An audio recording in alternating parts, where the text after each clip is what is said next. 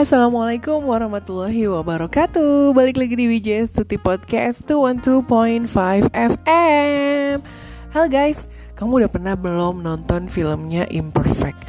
Yes, dibintangin oleh Jessica Milan dan Reza Rahardian. Di situ uh, si Jessica Milannya ini jadi orang yang bener-bener gak perfect.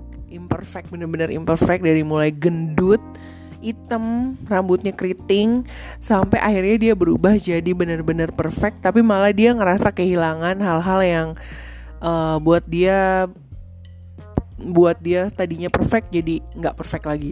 Apa sih gue? Jadi gini kisahnya adalah bermula dari ibunya ini uh, adalah seorang model, ibunya Jessica Mila. Seorang model yang menikah dengan seorang ayah yang wajahnya biasa aja, dan setelah menikah, akhirnya lahirlah si Jessica Mila ini. Jessica Mila ini doyan banget makan, apalagi makan coklat. Badannya overweight, terus kulitnya hitam dan rambutnya keriting. Untuk sebagian standar cewek-cewek, ini tuh kayak yang ah nggak ada bagus-bagusnya amat gitu loh badannya si Jessica Mila ini mukanya pun gitu tapi dia itu ramah disukai sama banyak orang dan bikin semua orang tuh sayang sama dia karena dia suka berbuat banyak kebaikan. Kayak uh, dia deket sama anak-anak jalanan ngajarin anak-anak jalanan kayak gitu. Sementara adiknya gue lupa namanya siapa.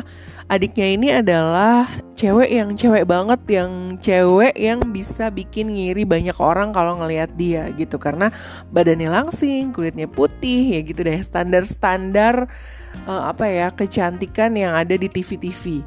Nah, setiap kali teman-teman mamahnya datang ke rumah, bawaannya tuh cuman ngenyain si Jessica Mila ini.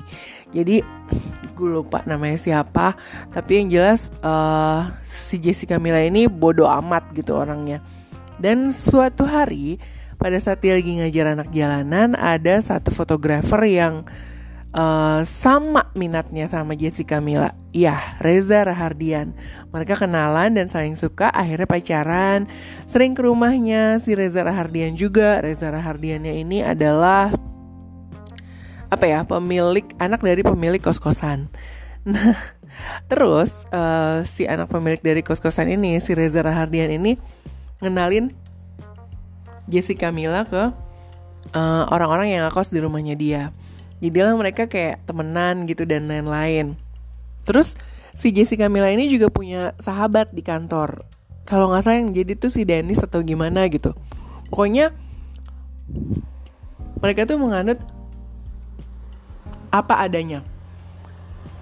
Nah, ini nggak mau dibuat-buat kayak gitu kan.